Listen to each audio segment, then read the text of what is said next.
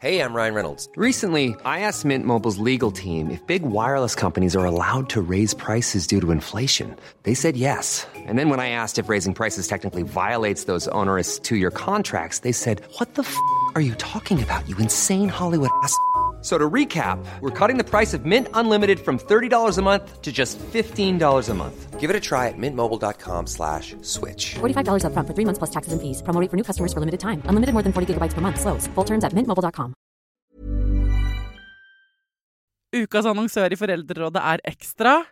Det er grillsesong. Endelig. Alle dere som har fulgt meg gjennom en lang vinter, vet at jeg har nesten strøket med av kjedsomhet. Men nå kan vi spise ute, vi kan leve ute, vi kan henge ute, og vi kan grille. Ekstra har sitt største grillutvalg noensinne, og hør godt etter nå. Her er en del av grillutvalget deres. Habanero-pølser, salsiccia-pølser, black aged pepper-pølser, cheesy bacon-pølser, beefy burger, cheesy burger, skinny burger, big beefy gourmet-burger, fiskeburger med hvitløk, fiskeburger med bacon, rødbet og søtpotetburger, soppburger, barbecue grillfilet, svinenakke med oregano og tomat, urtemarinert fårefilet, brisket, eller brisket som det egentlig heter, T-bone steak, flank steak, tomahawk, laksefilet med pesto, laksefilet med sitron, scampi med hvitløk og urter, crispy fiskeburger med ost, kyllingfilet med sitron og urter, kylling overlår, gyros, kyllingspyd, smoke, barbecue, lårfilet av kylling og entrecôte. Takk for meg. Dette er bare noen av produktene i Ekstra sitt største grillutvalg noensinne, og kommer bl.a. fra Norges mest prisvinnende grillserie, Grill Perfekt.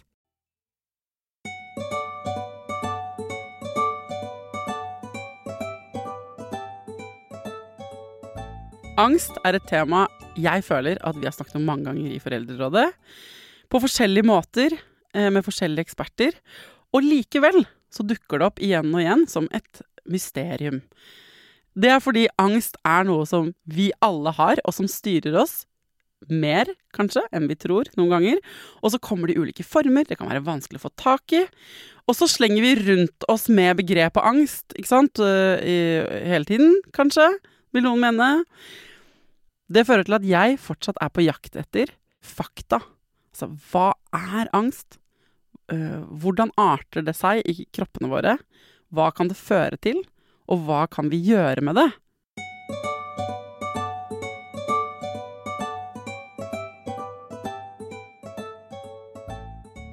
Hjertelig velkommen til Foreldrerådet, psykolog Kristoffer Hetlebakke.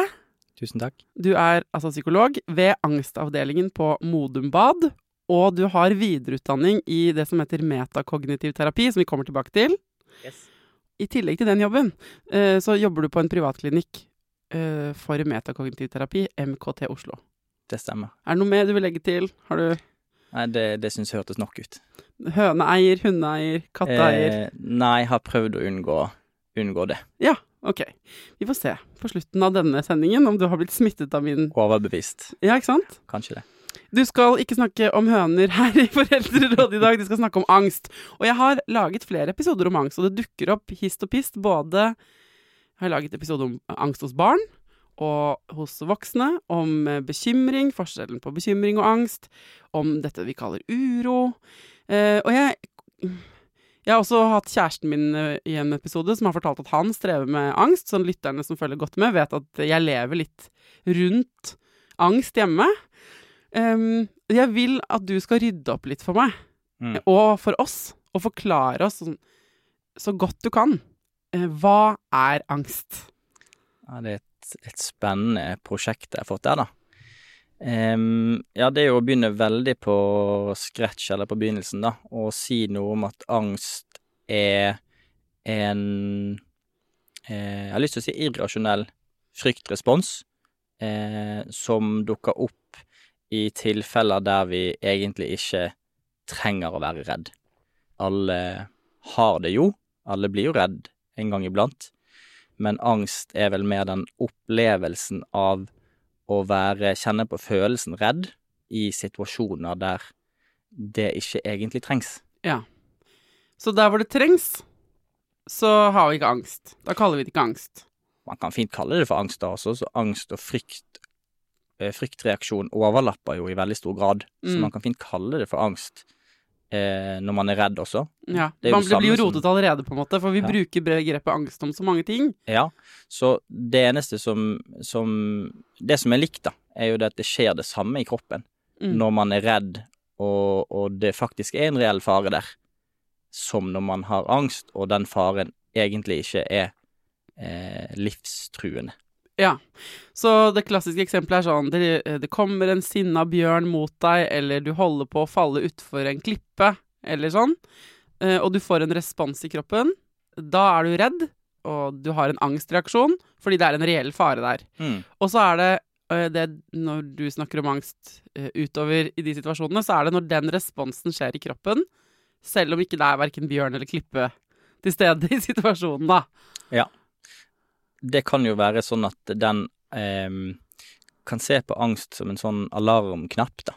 Som, som skal og bør eh, gå av når man møter en eller annen fare som man trenger å gjøre noe med.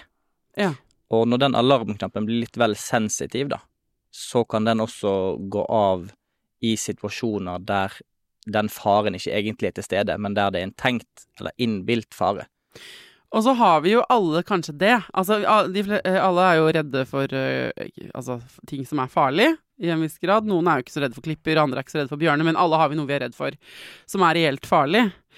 Men har vi ikke også alle noe vi er redd for, eller hvor, den, hvor vi er litt sensitive på den knappen? Eh, bare at vi kanskje ikke har merket det, eller vi plages ikke noe særlig med det. All, absolutt. Eh, alle har ting de er redd for. Eh, Ja. Og det burde man jo ha, for det er helt normalt. Det er helt menneskelig. Altså også da, Nå tenker jeg ikke er ting som er farlig. Alle, har ting, alle går rundt og er litt redde for ting som ikke er farlig. Absolutt. Ok, bra. Så da har vi etablert det.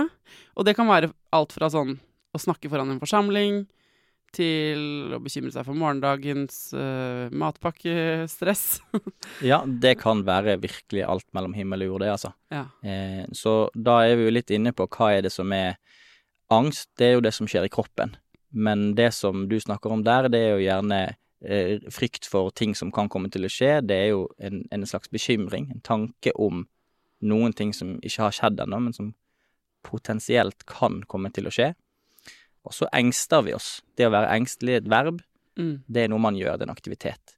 Så da, da prøver man å se for seg, da. Hva er det som kan komme til å skje? Hva er konsekvensen av det, og, og hvordan Hvilke ressurser har jeg for å kunne håndtere det? ja. Eller ting som har skjedd. Eller ting som har skjedd. Da kaller vi det jo ikke for bekymring lenger. For bekymring er noe som er fremoverrettet i tid. Hvis man får en eller annen tanke eller en eller annen følelse av frykt, og, og begynner å se for seg hva er det som kan komme til å skje, så bekymrer man seg. Hvis man tenker på ting som har skjedd, eller hvorfor ting har skjedd, så bruker vi ofte begrepet grubling eller ruminering istedenfor. Mm. At det blir mer en sånn for, fortidsrettet måte å tenke på. Mm. Um. Og her, dette høres jo veldig ryddig ut når du sier det nå, Kristoffer, men det er jo mye mer rotete, for det er ikke alltid så bevisst i folks hoder. For eksempel mitt hode. Føler ikke at jeg er plaget av noe sånn særlig angstting. Begynner å øh, skrelle løken, eller hva man sier, når man går i terapi. Og så ser jeg jo at jeg går ikke rundt og kjenner på frykt kanskje noe veldig sterkt, eller noe sånt, men jeg kan spore ting, hvis jeg ser på mønster i livet, at her er det masse handlinger jeg holder på med for å unngå en følelse mm. Øh, som er ubehagelig, som igjen er ganske Som er liksom øh, Som man kan kalle angst. Ja. Og det er ikke sånn at eh, for du som hører på nå sier sånn Men jeg har ikke angst, og enda en prat om angst. Jeg bla, bla, bla. Hold my drink. Begynn å grave litt innover, og se om du kan finne et område i deg selv. Trenger ikke å være noe big deal, men hvor du kan kjenne igjen den Å ja, jeg gjør dette for å unngå den drittfølelsen. Da er det jo en angsten som ligger der som en slags Eller ubehaget, da, eller Mm. ikke sant? Som ligger der som en slags motivator eh, for en del ting du gjør for å håndtere livet. Vi- Sa jeg det kanskje krøkkete, men ja. Ja, men kan vi, hvis vi kan spole litt tilbake igjen, så kan man jo se på angst eller frykt, da. Hvis vi snakker om det litt sånn som om det var det samme, fordi at det Mm. overlapper i så stor grad, så, så er det sånn at hvis man, hvis man kjenner på følelsen frykt Følelser er jo et signalsystem som vi må kunne høre på, sant? og det forteller oss jo at her er det noen ting man må passe seg for eller, eller ta hensyn til. Eh, og, og da kan jo den der eh, behovet for å unngå distrahere seg eller eh, gjøre noen ting med det for å få det bort, dukke opp. Ja. Hvis ikke man er så veldig klar over hva det er som akkurat hva det er man er redd for, så, så begynner man gjerne med disse her strategiene for å, for å dempe det her ubehaget. Mm. Men øh, du har nevnt øh, kroppen flere ganger. Hva er det som skjer i kroppen når vi kommer borti denne knappen? Ja, øh, den knappen utløses vel ofte helt av seg sjøl, da. Og da er det jo sånn at um, det skilles ut noen stresshormon i kroppen. Um, adrenalin, et av de. Du har kanskje eh, på et eller annet tidspunkt gått over en vei og, og glemt å se deg for, og så kommer det en bil, da, eller en buss for den saks skyld, og kjører og tuter på deg, og så spretter du tilbake igjen, uten at du egentlig har tenkt, tenkt å tenke så mye over det.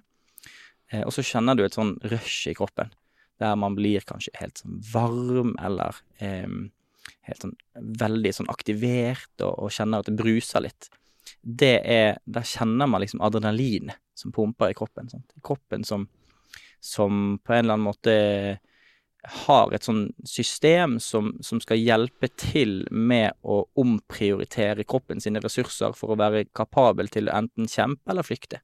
Mm. Fight or flight response, som Ja, og der er det vel også fawn og freeze, som er sånn to nye varianter. mm, Um, kan du ikke bare kjapt ta oss gjennom hva de fire da, reaksjonene er? mm, Kan jeg forbinde med fight or flight, da.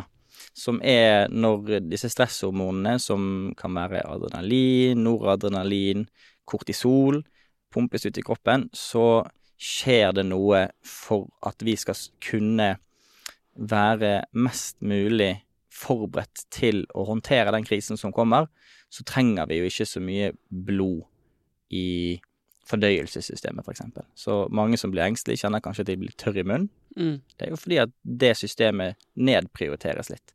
Man kan få klump i magen, man kan få vondt i magen, man kan bli dårlig i magen. Det systemet trenger man ikke når man skal løpe for livet, liksom.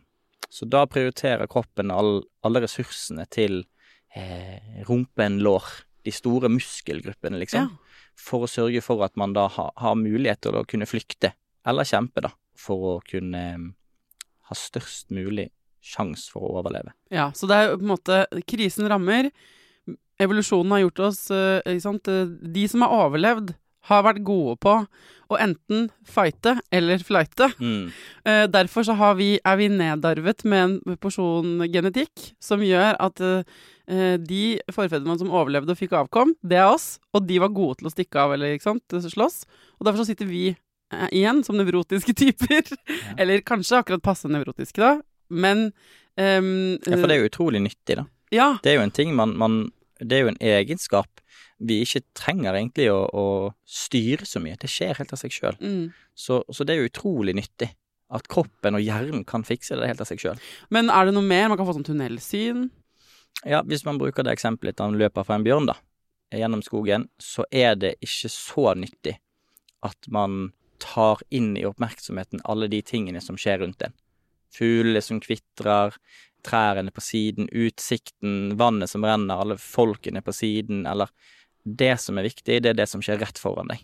Mm. Det er det som skjer der du skal flykte til, eller det området du må, må ha fokus på for å overleve. Mm. Så tunnelsyn er egentlig også superbra, fordi at det hjelper å fokusere oppmerksomheten mot dit som den faren vi trenger å konsentrere oss om, er. Er det også derfor man sier at f.eks. For foreldre som uh, ser barnet sitt uh, sant, bli liggende under en tung stein, får superkrefter? Mm. Sant? At man kan si at folk som er redde, adrenalin kan gi oss superkrefter. Altså tunnelsyn er på en måte en superkraft. Absolutt. Og ekstra styrke til å løfte og redde ungen vår. Eller, eller ha, være superrask til å?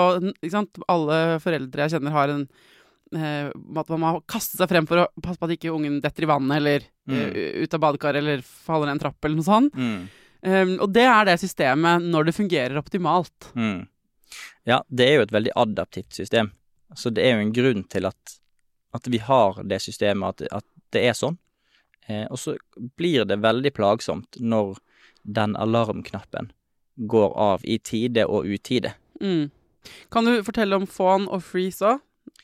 Eh, fawn og freeze også. Eh, man kan jo på en måte slå det litt sammen som å eh, Der man kan tenke at noen, noen dyr har en sånn evolusjonær fordel av å kunne bare spille død, hvis man kan, hvis man kan bruke det som Sette det litt på spissen, da. Mm. Så å spille død er for noen mer eh, nyttig enn å skulle flykte eller kjempe, fordi at de har en så voldsom fysiologisk misfordel, eller Ja, un ufordelaktig ulempe, da. ulempe, kan man bruke som, som et bedre ord. Altså Hvis jeg hadde møtt en bjørn Dette her, Jeg hørte jo da jeg vokste opp at man skulle late som man var død når man eh, møtte en bjørn. Jeg vet ikke om det Mm. er old news, ja, men, men fordi eh, Jeg kan jo ikke fighte en bjørn. altså jeg, jeg er sterk og sånn, men Mm. jeg kan, være, jeg kan ikke løpe fra en, og jeg Mm. kan ikke fighte en. Og da har jeg ikke så mange alternativer, så da ville kanskje det der å legge meg helt stille ned Mm. vært et alternativ. Så, så man kan jo tenke at noen, noen eh, dyr, eller noen arter, da, har hatt en større fordel av å kunne eh, Eller til sikkert menneskearten også, har hatt en større fordel av å kunne bare eh, fjerne seg liksom fysisk fra situasjonen ved å spille død, eller ved å på en måte mentalt fjerne seg fra situasjonen, da. Ja, At Eh. kroppen beskytter deg mot det du går gjennom, ved at du Mm. dissosierer, rett og slett. Kobler ut. Ja, så dissosiasjon er jo et eksempel på, på det, da. Mm. Mm. Og, i eh, det livet vi lever i 2023, så ser jo det ut som at du f.eks. er i en truende situasjon, eh, og så fryser du helt til. Mm. Eller du opplever noe skummelt, og så er du ikke sånn handlekraftig som du tenkte du kom til å være. Mm. Eller fån, som er jo en avart av det, at du blir medgjørlig. Ja, jeg er faktisk ikke så sikker på den direkte oversettelsen sjøl, jeg. Men det er jo eh, kanskje noe jeg har hørt oftest i saker der det er et traume Mm. som har skapt angstlidelsen, da. At det å være medgjørlig, eller det å på en måte ligge seg helt flat og være underdanig, har vært det som har, har gitt størst sjanse for å overleve. Ja. Mm. For når vi da tar det over Altså, alle har vi det, disse, disse, disse systemene inni oss. Mm. Og så har du det som at alle har vi angst. Alle går rundt. Hvis dere graver godt nok, folkens, så finner dere et eller annet som ikke er objektivt sett veldig farlig, men som, et, uh, som du syns er ubehagelig nok til at du styrer litt for å unngå, unngå det. Uh, og så har du det som klinisk heter angst. Ikke sant? Der hvor du eh, og Modum Bad og sant? psykologer kommer inn i bildet, da, hvis man er heldig, må jeg si. For det er mange som strever med angst uten å kunne få den hjelpen de trenger. Men, men hva er den kliniske rammen? Altså Siden vi alle har det, når er det du bikker over til å skulle trenge behandling eller kvalifisere for, det? Mm. Det er et veldig godt spørsmål, og det er en litt sånn eh, flytende grense der, da. For, for noen kan jo oppleve seg veldig plaget av dette her eh, angstgreiene, eh, mens noen ikke tenker så mye over det, men kjenner så mye på det likevel at det, at det bidrar til et funksjonsfall. Så da kan man jo på en måte skille litt imellom når, når angsten bidrar til at man ikke får til å gjøre de tingene man ellers ville gjort. Mm. Hvis det påvirker livsførsel i negativ grad, så eh, begynner det å bli sånn at Hvis det begynner å bli et mønster, da, at det påvirker funksjonen, så, så kan det være et tegn på at det kan være greit å oppsøke hjelp. Eh, mens andre eh, har mer sånn opplevelse av subjektive plager. At man kjenner seg mye redd, mye uro, mye klump i magen, eh, uten at det påvirker, eh, påvirker funksjonen så veldig mye, men at man opplever seg plaget likevel. Ja. Og det kan være minst en like god grunn til å oppsøke hjelp, det. Ja, og sånn som i stad, når jeg sier at hvis alle graver dypt nok, så tenker jeg jo at uh, det, uh, det er jo det som er litt vanskelig å sette den grensen. Du kan gå til fastlegen, og så kan du si jeg er plaget med klump i magen, jeg, eh, jeg funker på jobb og sånn, men jeg er mye sliten, jeg, jeg har mye tankekjør, jeg kjenner mye på sånn engstelse, jeg har lite overskudd og sånn. Og så kan du bli henvist til en psykolog, men der er det jo ganske lange ventelister sant, for å komme inn i det offentlige. Eh, og det har vært blitt verre og verre, har jeg inntrykk av. I hvert fall sånn etter pandemien og, og, og sånn. Uh, og så kan man selvfølgelig gå privat, og så er det veldig vanskelig. For jeg hører folk si sånn Å ja, alle har angst, sier mammas venner, liksom. Sånn I 2023 har alle angst. Men vi hadde ikke det, vi. Og så jeg, så kan jeg kaste ett blikk på den personen og tenke sånn Du har så mye angst, du. Du bare kaller det alt mulig annet. Og øh, håndterer det med å klippe hekk i huet og ræva, liksom. Altså, til syvende og sist er det vel de menneskene som kommer til dere, eller de som hører på, som selv opplever og oppdager at dette her er noe som ligger under det som plager meg i mitt liv, som kan få hjelp. Absolutt. Og det, eller det Jeg kan også legge til at det er jo mange som oppsøker hjelp fordi at noen andre har bedt de om å gjøre det, Ja. eh, som ikke egentlig opplever at de har et kjempestort problem selv. Nei. Men der andre tenker at det hadde vært fint for deg òg. Få hjelp til noen ting. No, men noen har det jo helt fint med å unngå de tingene som, som man syns er ubehagelig. Ja. Eh, no, noen syns ikke at det er noe stort problem, og syns ikke at det går utover den ønskede livsførsel som de ønsker å ha. Nei, ikke sant? Eller at de Eh. veier det med sånn Det er mer ubehagelig for meg. Jeg har det Ja. ikke ille nok i livet mitt. Kost-nytte-vurdering. ikke sant? Og jeg Mm. snakket med mamma om det på hytta nå forrige helg. Mm. Og hun har sagt dette mange ganger, da. Mm, at eh, ja, nei, jeg tenker at jeg ikke skal åpne de dørene der, jeg. Tenker at det er greit å Jeg har det så bra at jeg ser ikke noen grunn til å drive og grave ned. Det, jeg, vet, jeg vet det ligger masse greier der. Jeg har opplevd mange ting i livet mitt. Men jeg er 73 år, og jeg trenger ikke å åpne den bagen når jeg har det så bra. Så vi hadde snakket akkurat litt om den der kost-nytte. Men så fint, da. Ja. Eh, mitt perspektiv, og det kan vi vel kanskje komme inn på seinere, er vel at ikke man Har man det fint? Og de fleste opplever jo belastende ting i løpet av livet uansett. Det gjør de aller, aller fleste. Om det er dødsfall i nær familie, eller om det er eh, andre ting, så, så opplever alle sine, sine greier. Eh, men det trenger ikke bety at man får psykiske plager fordi at man opplever belastende ting. Nei, og det at man har psykiske plager er noe du må vurdere selv, så alle rundt deg kan stå og si at du har psykiske plager, og ja, i ytterste konsekvens så vil storsamfunnet kanskje gripe inn hvis du er til fare for andre eller deg selv eller lever veldig destruktivt, og de, kan vi, de, de er ikke ekskludert fra denne samtalen, for noen er eh, ikke sant, tvangsinnlagt på norske sykehus, eller får behandling, og, eller blir ordentlig, ordentlig dårlige. Mm. Men den gemene hop er på et eller annet sted innimellom der, hvor vi eh, klarer å regulere våre egne greier med distraksjoner og litt konfrontasjoner innimellom og sånn og sånn. Unnvikelse, hist og, og pist. Eh, og, og så er det noen som er mer plaget enn andre, og så er det ikke sånn at man er født Man er født med et uh, sett uh, Altså, man er jo født med et utgangspunkt. Men det her kan jo også fluktuere, vil jeg tro, gjennom livet. Absolutt. Absolutt. Det er vel eh, noen studier som viser at det er omtrent én av fire, én av fem eh, mennesker i Norge vil oppleve å fylle kriteriene for en angstlidelse i løpet av livet. Ja. Så, sånn at det, det er mange som er innom, men som ikke lenger ikke, Det er ikke noen sånn livstidsdiagnose, det. Nei. Eh, Så det er mange som er innom eh, en periode av livet der man er så plaget at, at eh, det som du strever med nå, det ville vi kanskje kalt en angstlidelse eller en, ja, en Mm. depresjon eller noe sånt. Men, men, eh, men det er ikke alle som går med det. Veldig ofte går tingene ting over seg sjøl. There's never been a faster or easier way to start your weight loss journey than with PlushCare. PlushCare accepts most insurance plans and gives you online access to board-certified physicians who can prescribe FDA-approved weight loss medications like Wigovi and Zepbound for those who qualify. Take charge of your health and speak with a board-certified physician about a weight loss plan that's right for you. Get started today at plushcare.com slash weight loss. That's plushcare.com slash weight loss. plushcare.com slash weight loss. Quality sleep is essential. That's why the Sleep Number Smart Bed is designed for your ever evolving sleep needs. Need a bed that's firmer or softer on either side? Helps you sleep at a comfortable temperature? Sleep Number Smart Beds let you individualize your comfort so you sleep better together. JD Power ranks Sleep Number number 1 in customer satisfaction with mattresses purchased in-store. And now, save 50% on the Sleep Number limited edition Smart Bed for a limited time. For JD Power 2023 award information, visit jdpower.com/awards. Only at a Sleep Number store or sleepnumber.com. Ukas annonsør i Foreldrerådet er Story. Det er en lydbok- og e-bok-app. Altså, du kan både høre på bøker og lese dem på telefonen din eller nettbrettet ditt. Og akkurat nå så får du 45 dager gratis, både til deg som kanskje har prøvd Nextory før, men også til deg som er helt ny.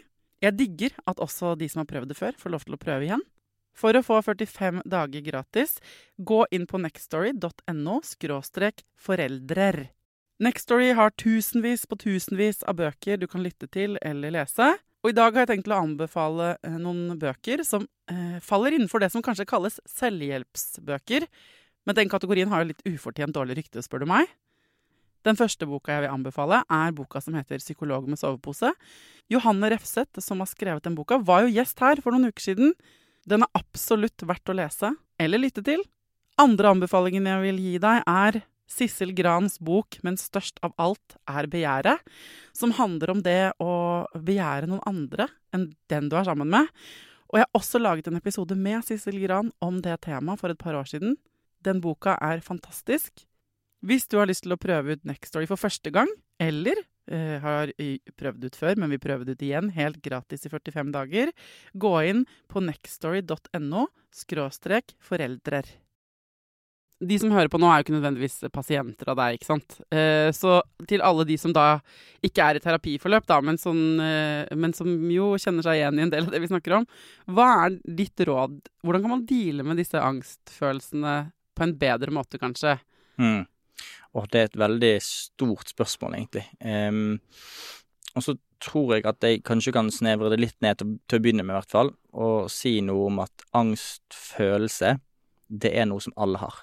Det er en del av det å være menneske, det er en del av det å leve livet som, som skjer. Eh, så det å kjenne på angst, bekymre seg masse, eh, være redd for ting, det er noe som alle har, og livet, livet svinger.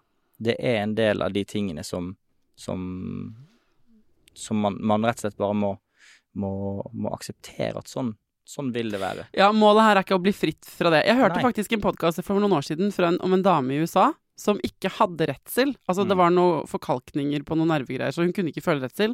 Og det var jo livsfarlig! Mm. Hun havnet jo i De måtte anonymisere henne veldig eh, i den eh, fordreie stemmen hennes og alt mulig, fordi det nettopp var så lett å utnytte Hun hadde ingen av de Mm. reseptorene, på en måte. Hun kjente ikke frykt, da. Nei. Så tenk så farlig det er å gå over veien da. Hvis ikke du har noen av de bevegelsene inni deg Mm. som eh, styrer deg, da, ikke sant. Um, så eh, jeg skal eh, prøve å finne ut av hva den episoden heter, og si det i utroen på denne uh, episoden her. Uh, men uh, sånn at det at det er vanlig å ha de følelsene, og at de på en måte varierer i løpet av livet, da, er da er man helt innafor. Det er så viktig å liksom normalisere. Hvis, hvis, man, hvis man legger til grunn det her da, at én av fire eller én av fem mennesker i Norge på et eller annet tidspunkt i løpet av livet sitt vil fylle kriteriene for, for en angstlidelse, så betyr jo det at man kan være, ha ganske mye angst, og at det fortsatt kan gå over helt av seg sjøl uten at man nødvendigvis får noe hjelp for det. Ja. Hva Så- slags angst har du hatt så langt i livet, som du kan, altså, som du kan kjenne igjen? Sånn, Som jeg har kjent på selv. ja? Eh, nei, det, jeg kan bekymre meg masse, altså. ja, for veldig- fremtiden, liksom? Eh, ja, for fremtiden, og for familie, og for eh, relasjoner. Så jeg kan, jeg kan også være innom veldig mange av de temaene selv. Ja, jeg tryna på i skogen for noen år siden, og oppå en soppkniv. Sti, knivstakk meg selv i kneet. Mm. og det var så trauma det var veldig traumatisk. da, Det var jo blod overalt Det og skummelt. vondt. Ja, og det var veldig sånn blodig. Og etter det, det var en annen type angst, så ble jeg veldig usikker på å gå i ulendt terreng. Som var sånn helt eh, eh, tydelig. Sånn, jeg fikk adrenalin, jeg ble klam. Jeg eh, begynte å tenke jeg kan ikke stole på det benet, det kommer til å knekke, er det en skarp sten her? Og det var så Nesten som en film viste meg Det var så tydelige angsttanker. Og da fikk jeg jo, Det som var bra med det, var at jeg fikk så tak i det. Det var veldig ubehagelig, men jeg fikk veldig tak i hva det var. Og da skjønte jeg på egen hånd at OK, sånn her kan jeg jo ikke ha det. Det eneste jeg må gjøre nå, er å gå ganske mye i skogen, så jeg bare får liksom fylt opp minnet mitt med andre eh, opplevelser enn den derre blodige mosen jeg Mm. lå på, ikke sant? Mm. Men det var, det var liksom en gave at det var så tydelig. Mm. Men så eh, har jeg opplevd andre ting, ikke sant. Eh, Samlivsbrudd, eller pappaen min døde for eh, tre og et halvt år siden. De, det er også sånne traumatiske opplevelser. Eh, og de har vært Altså, jeg bare prøver å beskrive her, og alle som hører på, har også sånne eksempler på at det noen ting kan være tydelig, men så er det det der med flytende angsten. Du har den der generelle bekymringen, og så har du de der Oi, det, jeg slo meg på kne, jeg ble redd for det. Og så er det mer sånn Jeg, kan ha, jeg har lagt merke til at jeg har liksom litt mer helseangst Mm. etter at jeg så pappa dø av kreft, for Mm. Mm, er det bare sånne skader vi får av å være menneske, alle sammen? Sjelelige skrubbsår? Mm. Den, eh, den der liksom jakten på en sånn årsak til hvorfor man, man gjør som man gjør, det tror jeg kan være et litt sånn eh, skummelt prosjekt. Jeg tror alle, litt sånn som du, da, så har alle sine belastninger man møter. Om det er samlivsbrudd, om det er dødsfall, om det er eh, en, en, en å falle og skade seg ganske heftig, da. Så, så har alle disse tingene her, og så kan det gjøre at man, man blir mer sånn engstelig for det. Eh, og på, hvis man tenker sånn evolusjonært på det, så er det ganske nyttig Ja. at vi, at vi gjør det. Men igjen så kan det hende at vi utvikler noen, noen uhensiktsmessige strategier for å mestre det følelsesmessige problemet som oppstår i etterkant. Så nå kommer vi til det jeg egentlig spurte om i stad, fordi at nå er du vel klar for å si noe om hvordan er det vi kan gjøre noe med det. Mm. Ja, det, det som eh, jeg driver med i behandling, da, er jo å forsøke å em, oppsøke eller nærme seg de tingene som man er redd for, bekymrer seg for, engster seg for det man vil, um, og så forsøke å forholde seg til um, det indre stresset på en litt ny måte. Hvis vi skal bruke mitt uh, uh, soppknivtraume som Mm. eksempel, da. Mm. Uh, så, fordi det er så tydelig. Dessverre er ikke sånn generell angst og sånn, og generell angst som ligger dypt nede fra gamle dager, den er vanskelig å få tak i ofte. Mm. Vi bruker det enkle eksempelet, for da kan du vise litt. Mm. Ikke sant? Uh, jeg er pasient, har tryna i skogen, blitt kjemperedd for å gå i ulendt terreng. Det hindrer meg å gå på tur med familien min, og Mm. alene. Mm. Ja, og, og da ville jo jeg først eh, lurt på når det er sånn at det dukker opp en situasjon der det mm, er aktuelt at du skal gå på tur med familien din. Mm. Det hørtes jo veldig koselig ut, og som noe du egentlig har litt ganske lyst til å gjøre. Ja. Ja, Sånn at på en eller annen måte, så det at du går rundt og er veldig engstelig for å skulle falle igjen, eller om det eh, om terrenget er egnet for deg, eller om du kan stole på kroppen din, så høres det ut som at du gjør noen ting med hodet ditt sånn i, i forkant av det her. At du Ja. går og bekymrer deg. Det her er det vi kaller for bekymring. Sånn, tenk om kroppen ikke kan bære meg. Tenk om jeg faller og slår meg på nytt. Eh, skogen er farlig, liksom. Eh, så går man og bekymrer seg veldig masse for det. Og når man bekymrer seg, da, da er vi inne på eh, forskjell mellom angst og engstelse. Mm. Da engster du deg, det er en aktivitet. Man prøver å kanskje forberede seg litt mentalt på at dette kan bli ganske skummelt eller tøft. Og så, hva skjer da? Jo, da blir man jo, da kjenner man jo, da trykker man litt på den her angstknappen, da. Ja. Så da begynner kroppen å forberede seg litt. Man får litt mer sånn tunnelsyn, man blir engstelig, og så får man lyst til å unngå. Ja. Man får veldig lyst til å bare la være å dra, eller eh, kanskje gå veldig, veldig forsiktig, eller eh, få noen til å gå foran deg, sånn at du kan si at det er trygt. Gjøre mange ting for å sikre Sikre turen, da. Sikre at du er helt ja, så klart det. Jeg har jo ikke lyst til å få kniv i kneet en gang til. Nei, så når du gjør mange ting for å sikre at du er helt trygg, hvordan oppleves det da å være på den turen, tror du? Eh, litt stress. Ja, sannsynligvis så oppleves det ganske stress, fordi at det krever mye av deg, men det gjør også at man føler seg ganske utrygg. For da har man jo alle disse her farene ganske sånn langt fremme i pannelappen, da. Ja. Så hvis man kan redusere den tiden man bekymrer seg på for alle disse tingene som kan komme til å skje i forkant, og, og la tankene få lov til å være tanker. Ja, kanskje man faller og slår seg, det kan skje med hvem som helst. Kan det få lov å bare være en tanke som du ikke henger deg så mye opp i, og forsøker å kose deg og ha fokus på familien din eller den, den Ja. fine naturen rundt, da. Og så har du den andre varianten, som også var eh, For meg var det akkurat det eksempelet mer preget av at vi trodde jeg skulle kose meg på sopptur. Og da jeg var i skogen og skulle ned den første skrenten, så kom det som en sånn flash i nervesystemet. En sånn, Mm. sånn at det, akkurat som du får litt sånn litt støt. Og det var så sjokkartet å Mm. få den. Så bekymringen ble litt etter det. Mm. I utgangspunktet så trodde jeg var- jeg var fine. Ja. ja. Så, så det som skjer, er jo at man får den her alarmknappen går, og kroppen mobiliserer fordi at dette er en gjenkjent mm. fare fra tidligere. Selv om eh, faren er innbilt, sant, eller tenkt, så er jo det som skjer i kroppen, helt ekte. Og om du som hører på, da det er Sopptur og kniv i kne er jo ikke så veldig mange som har opplevd, kanskje. Jeg Håper ikke det. Men om det er at du For noen er det å kjøre tunneler. Eller å hente barnet sitt på en barnebursdag, for da må du snakke med andre foreldre. Eller det er at du skal holde en powerpoint-presentasjon for avdelingen din neste fredag. Eller det kan være at du er redd for å gå på den daten fordi eh, du liker eh, han fyren eller hun dama så godt, og du har blitt skikkelig avvist i ditt forrige parforhold. Eh, Så du, alle har vi vår kniv i kneet, hvis du skjønner, og vår sopptur. Så du, du vil holde presentasjonen, og du har lyst til å møte den daten igjen. Eller du vil jo være en sånn forelder som henter ungen din på barnebursdag og koser deg med det. Så du har en dragning til det, men det er også surrer det seg til med masse ubehag samtidig. Og, og det ubehaget, det blir ofte så sterkt at man tyr til liksom disse kortsiktige løsningene. Ja. Og en kortsiktig løsning vil jo være å få partneren din til å hente på barnebursdag istedenfor.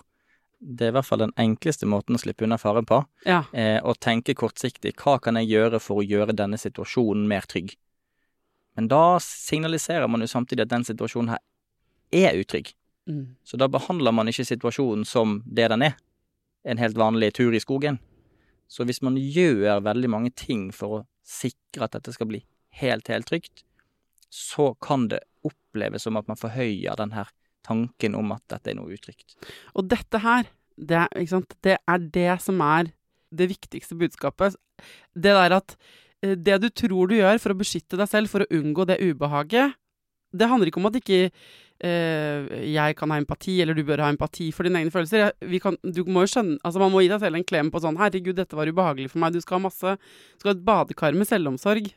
Men eh, hvis du blir liggende i det badekaret uten å gjøre de tingene, så kommer du eh, aldri til å være komfortabel med det heller. Er det det du sier? Ja, For det første så er det jo utrolig logisk at man blir redd og har lyst til å unngå eh, turer i eh, vrient underlag etter man har fått en, kne, en kniv i kneet. Det, det er ikke rart i det hele tatt. Nei. Og det er ikke rart at man har lyst til å, å, å forberede seg på det man skal si når man skal hente barna i barnebursdag. Det er ikke rart, det er kjempelogisk. Problemet er at det er en kortsiktig løsning for å fikse et tenkt problem. Mm. Og hvis man begynner å gjøre veldig mange tiltak for å gjøre verden tryggere, så begynner man etter hvert å oppføre seg som om at verden er et veldig farlig sted.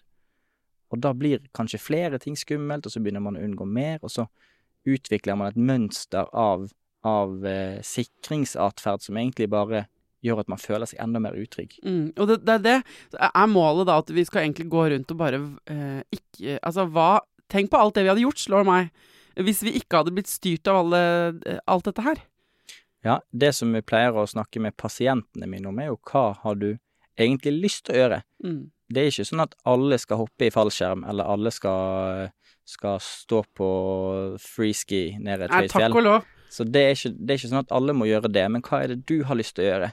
Og hva er det du blir hindret fra å gjøre fordi at du tenker at det kan Det er ikke sikkert at det går, eller Mm. det kan bli ganske farlig, eller tenk om det skjer noen ting, eller Men så er det jo noen som da har levd så lenge med den frykten at de heller ikke har lyst til å gjøre Det er ikke sånn at de drømmer om å hoppe i fallskjerm, for det er veldig konkret igjen, ikke sant? Eller gå på sopptur. Men de har blitt så vant til å leve i den frykten at de har murt seg litt inne. Så når du spør om det, så sier de vel kanskje sånn Nei, det er jo egentlig ingenting jeg så innmari keen på. Hva man savner, blir ofte best illustrert hvis man ser på hva er det man gjør nå, da. Mm, Hvis man på en måte setter det litt på spissen. mm, og gjør det enda større hvis du fortsetter å gjøre som nå. Hvis du fortsatt skal grunn- engste deg så masse som du gjør for den kniven i kneet i skogen, og du ikke kan gå på tur i skogen de neste fem årene, hvordan ser livet ditt ut da? Hvordan, hvordan er relasjonen din til barna da? Og hvis man da har lyst, egentlig, til å være med ut på tur i skogen, eller eh, reise et sted Eller få seg en kjæreste, eller, Eller slå opp med en kjæreste, eller skaffe seg en ny jobb, eller hva det nå er. For eksempel kaste seg litt utpå i livet, da. Um, du jobber jo med det som heter metakognitiv terapi, og det er en egen episode uh, som vi må lage. For nå har vi snakket kjempelenge om angst, og jeg syns du har vært god til å rydde opp i dette. Det er litt forvirrende når man bruker et så stort begrep så ofte. Um, jeg skal prøve å oppsummere kort, folkens. Eh, angst er en følelse vi alle har. Alle menneskene du ser, de store, de små, de gamle, de sure, de blide, har følelsen angst inni seg. Det betyr redsel eh, for ting som ikke egentlig er farlig.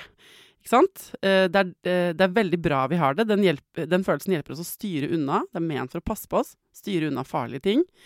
Eh, det som er dumt med angsten, er at den kanskje redder oss én gang fra noe farlig der og da, men så blir det litt sånn lite hensiktsmessige mønstre som setter seg fast over tid. Så det ender med å gjøre det motsatte. Det ender kanskje opp med at den angsten du har, holder deg unna det du egentlig vil, som ikke engang er farlig, bare fordi kroppen din tror det er farlig. Eh, og da eh, gjelder det å få tak i ikke sant? Ta et blikk på eget liv. Hva er det jeg holder på med? Er jeg kjempefornøyd? Hvis dette er livet mitt eh, om fem år, sånn som jeg har det nå, kommer jeg til å være dritfornøyd med det? Er jeg happy? Good! Da, du, da trenger du ikke å forfølge det lenger, hvis ikke alle rundt deg sier at du burde det. Mm, men hvis du kjenner sånn Nei, vet du hva, jeg er lei av å ikke tørre eh, det ene eller det andre. Reise, gå i bikini på stranden, henge med barna mine sånn som jeg vil. Jeg er lei av å ikke tørre å si det jeg mener på jobben eller i parforholdet mitt eller til foreldre. Altså, hvis det er noen ting som går igjen, og du ikke bare kan fikse det, for hvis du oppdager og tenker sånn Ok, da bare begynner jeg med det, da. Da er det ikke et resultat av angst. Men hvis du begynner å nøste og kjenner at her Å, herregud, nå ble det ubehagelig for meg. Ikke sant? Da er det kanskje grunn til å rydde litt i. Eh, hva er det som dukker opp? Kanskje litt hvor det kommer fra. Men viktigst av alt, dessverre på en måte, da, så eh, må du gå motsatt vei. Ikke sant? Det er det du sier. Du må gå rett inn i det som er ubehagelig. Eh, Gjerne ved hjelp av en psykolog, da. Ja, jeg tenker at det, det, det, er mange som gjør en veldig god jobb eh, helt alene også, med mm. å utfordre seg eh, på ting som man syns er skummelt. Og jeg tror at en god begynnelse for, for veldig mange er å istedenfor å grave så mye etter årsaken til hvorfor man kjenner det man gjør, for det man kjenner, det er helt normalt, det føler alle på fra tid til annen, og det, det er et tegn på at liksom kroppen og nervesystemet vårt fungerer som det skal. Men istedenfor å grave etter årsaken og, og, forsøke å finne ut av, eller liksom eh, Forklare, liksom? For, årsaksforklare det, da. Må vi finne roten til alt ondt, eller kan man registrere at nei, nå, nå er jeg litt engstelig. Nå driver jeg og kverner på et eller annet problem og gruer meg masse til det som skal skje. Og så kan man forsøke å jobbe med ok, istedenfor å grue meg, kan jeg forsøke å Og en ting som jeg jobber mye med, er bekymringsutsettelse kan man si at her og nå så skal jeg ikke ta, ta noe mer tak i det. Kan det få lov til å vente til litt seinere, og så akkurat her og nå så er jeg på tur med familien min og plukkes opp, eller så er man på reise med kjæresten sin, eller eh, sammen med familien sin, eller på jobb, eller hva det skulle være.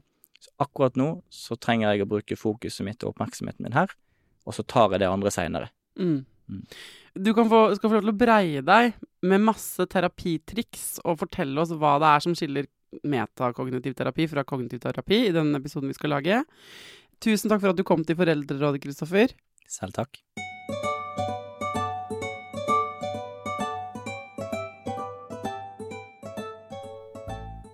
Hvis du har spørsmål om angst som du føler vi ikke fikk besvart uh, i denne episoden, uh, eller andre perspektiver på dette med angst som du vil at jeg skal eh, finne ut av, eller grave i, eller ta inn over meg, folk jeg skal invitere, send det til meg på Instagram eller på mail foreldreradet.gmail.com. Gruppearbeidet går altså så det suser for tiden, må jeg si. Dere er så gode til å sende tips og triks og gjester. Og i forrige uke så fikk jeg meldinger fra flere av dere som har begynt å gjøre det jeg ba om, altså lage spillelister på Spotify. Foreldrerådets spilleliste på Spotify. For vi har sant, snart 500 episoder. Jeg vet hvor vanskelig det er for dere å finne frem hvis du har et barn som ikke sover. Ikke Hvordan finner jeg alle episodene om søvn?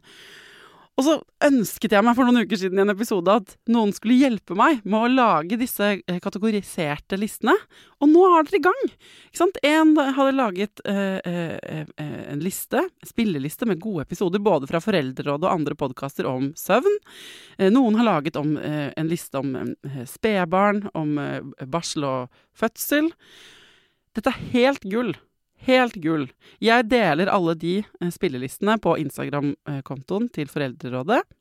Der får dere den oversikten, og så kan dere bare fortsette. Hvis dere eh, tenker at det er en ryddig måte å gjøre det på, og du har litt tid og sitter i Spotify og hører på podkast, lag en sånn spilleliste med hvilke episoder er det som har hjulpet deg i forhold til det du står i med din unge. Og så deler vi det. Og så sånn kan vi hjelpe hverandre å finne frem i det der vellet av informasjon som jeg vet er. Eh, så takk for at dere er verdens beste gruppe. Det elsker jeg. Til neste gang, ta vare på deg sjæl, ta vare på ungen din, og lykke til.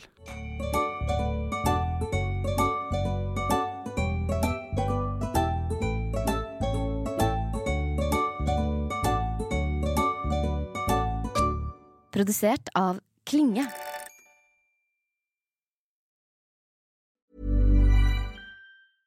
Hey, it's Paige DeSorbo from Giggly Squad. High quality fashion without the price tag. Say hello to Quince.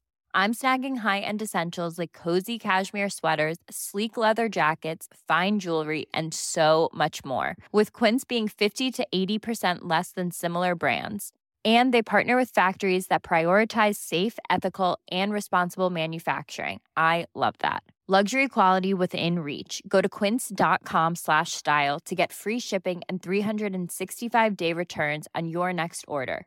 Quince.com slash style. Imagine the softest sheets you've ever felt. Now imagine them getting even softer over time. That's what you'll feel with Bowl and Branch's organic cotton sheets. In a recent customer survey, 96% replied that Bowl and Branch sheets get softer with every wash. Start getting your best night's sleep in these sheets that get softer and softer for years to come. Try their sheets with a 30-night guarantee. Plus, get 15% off your first order at bowlandbranch.com. Code BUTTERY. Exclusions apply. See site for details. Hi, I'm Daniel, founder of Pretty Litter. Did you know cats tend to hide symptoms of sickness and pain? I learned this the hard way after losing my cat, Gingy. So I created Pretty Litter, a health monitoring litter that helps detect early signs of illness by changing colors, saving you money and potentially your cat's life. Pretty Litter is veterinarian developed, and it's the easiest way to keep tabs on your fur baby's health right at home. Go to prettylitter.com and use code ACAST for 20% off your first order and a free cat toy. Terms and conditions apply. See site for details. Mom deserves the best, and there's no better place to shop for Mother's Day than Whole Foods Market. They're your destination for unbeatable savings, from premium gifts to show-stopping flowers and irresistible desserts. Start by saving 33% with Prime on all body care and candles. Then get a 15-stem bunch of tulips for just $9.99 each with Prime. Round out Mom's menu with festive rosé, irresistible berry chantilly cake, and more special treats. Come celebrate Mother's Day at Whole Foods Market.